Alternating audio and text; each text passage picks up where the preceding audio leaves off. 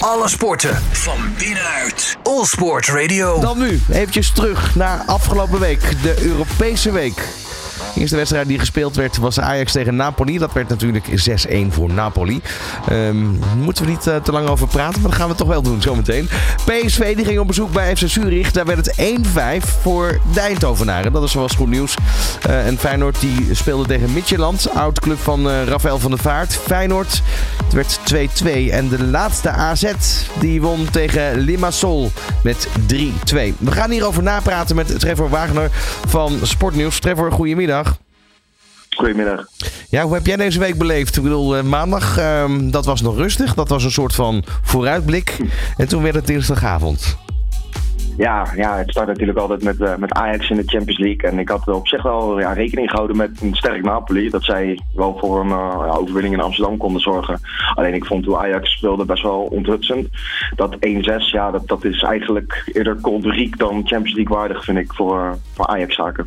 Ja, het moeilijke is eigenlijk dat dat, dat is toch een beetje hè, hoe voetbal in elkaar zit. Uh, ene moment dan ben, je, ben je helemaal top. En een ander moment ben je helemaal ja. not.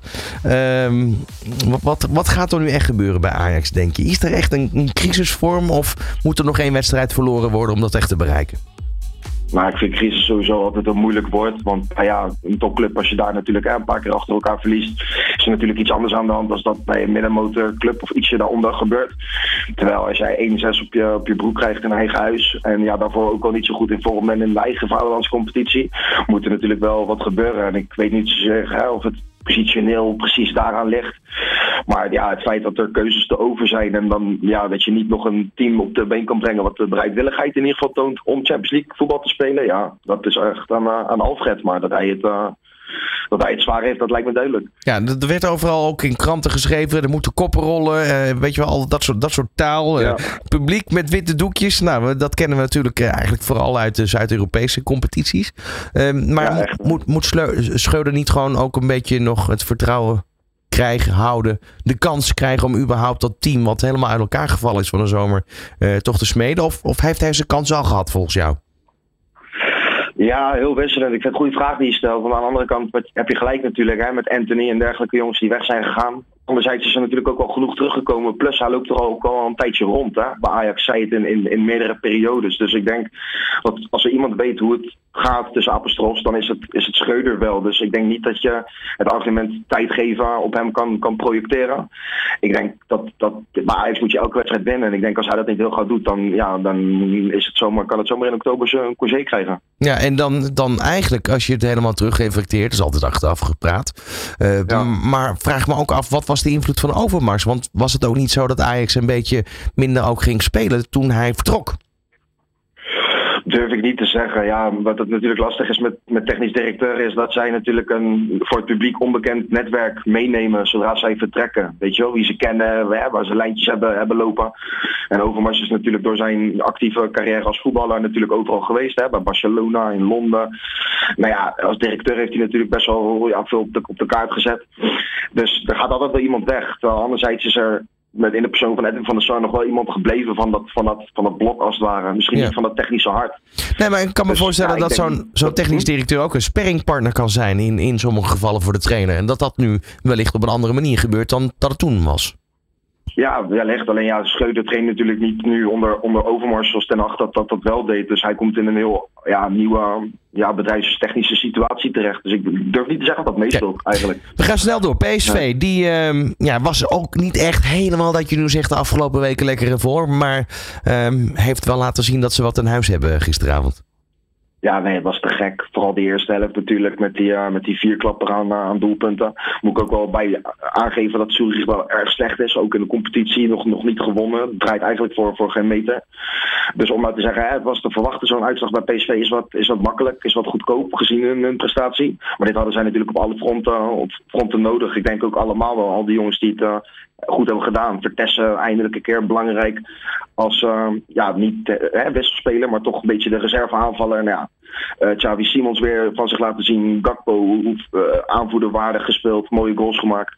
Ja, beter wordt het. Uh, beter kon het denk ik niet. Enige spetje is die tegengoal. Dan Feyenoord, ander verhaal. 2-2 gelijk tegen Midtjylland. Zou je eigenlijk moeten zeggen op voorhand, nou dat hadden ze wel moeten kunnen winnen, toch?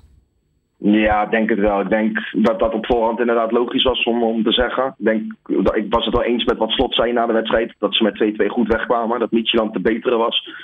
Maar ja, eh, ik denk op Feyenoord in de Kuip is het, is het natuurlijk een heel andere wedstrijd. En ja, op, op, op daar denk ik dat Feyenoord gewoon ja, prettig mag zijn dat het 2-2 is gebleven. Alleen ja, als je tegen iemand die de wedstrijd niet heeft gezien weet, ja, de wedstrijd uitlegt van ze stonden 2-0 voor, dan is het altijd extra, extra jammer. Terwijl ja, dat, dat erger kunnen zijn. Het was ook typisch fijn geweest als dat nog 3-2 voor Midtjylland had geworden, vond ik. Ja, Slot zei ook nog iets duidelijks over de arbitrage. Hij zegt, je kan beter als je niet eens bent met een beslissing ageren dan helemaal niks doen. Uh, want in dit geval uh, voelde hij zich toch benadeeld. Ja, ik weet niet of Slot dan de juiste persoon is die dat mag zeggen. Want ik denk dat hij een van de trainers is in Nederland sowieso. Hè, maar die best wel veel contact zoekt met de vierde man. Of dat nou hè, goede intenties, qua intenties heeft, maakt, maakt niet uit. Maar het is in ieder geval een intentie om te beïnvloeden. Want anders ga je niet naar zo'n zo'n arbiter toe om iets aan te geven. Je wilt dan iets aangeven omdat je het in ieder geval anders zag. Dus ik denk niet dat Feyenoord is benaderd door de, door de arbitrage. Zeker niet. Ik denk zeker met die penalty, de penaltygeval, die hensbal van die Midtjylland uh, spelmaker. Ja, dat, dat zijn gevallen. Hij komt op de arm, maar geef je hem of geef je hem niet. Nou ja, deze scheids geeft hem wel na een VAR-check. Dat is dan denk ik gewoon een soort, een soort masseltje. Maar ja. ik vind het altijd een beetje legitiem, of niet legitiem als er over de arbitrage wordt gesproken. Als je op een gegeven moment zelf niks meer in de melk te brokkelen had als Feyenoord zijnde. Want het voetbal was er op een gegeven moment gewoon uit. Hoe dan ook, uh, doelsaldo, uh, dat, dat is op dit moment wat uh, Feyenoord koploper maakt. Dan tot slot nog heel even snel naar AZ. 3-2 gewonnen, zijn ongeslagen in de Conference League. En nou ja, in de Nederlandse competitie gaan ze natuurlijk heel erg goed. Ehm, wat, wat kan je nog over deze wedstrijd zeggen? Ja, ik vond het best wel des AZ's dat ze hem nog over de streep trokken. Als je begrijpt wat ik bedoel. Was natuurlijk 3-2. Um, ehm, Apollo voetbalde goed mee. deed met speldenprikjes weliswaar pijn, maar ook, ook zag er redelijk verzorgd uit qua voetbal. En AZ, ja, dat staat gewoon. Ik denk dat trainer Pascal Jansen daar een ontzettend goede basis heeft gecreëerd, ook voor de afgelopen twee jaar. Waardoor deze jongens constant ingespeeld zijn op elkaar, constant weten wat we moeten doen, elkaar overnemen waar het moet. En waar we het net over hadden hè, bij Ajax, over weggaande spelers. Ja, AZ heeft jongens als Wijndal moeten inleveren. Maar dat, dat komt, wordt gelijk ingepast met Kerkers en met andere, met andere aankopen of aanwinsten. En ja, ik vind AZ echt genieten. En ook al is het 3-2, ja, maar 3-2 tegen Mar Limassol. Ze winnen wel weer.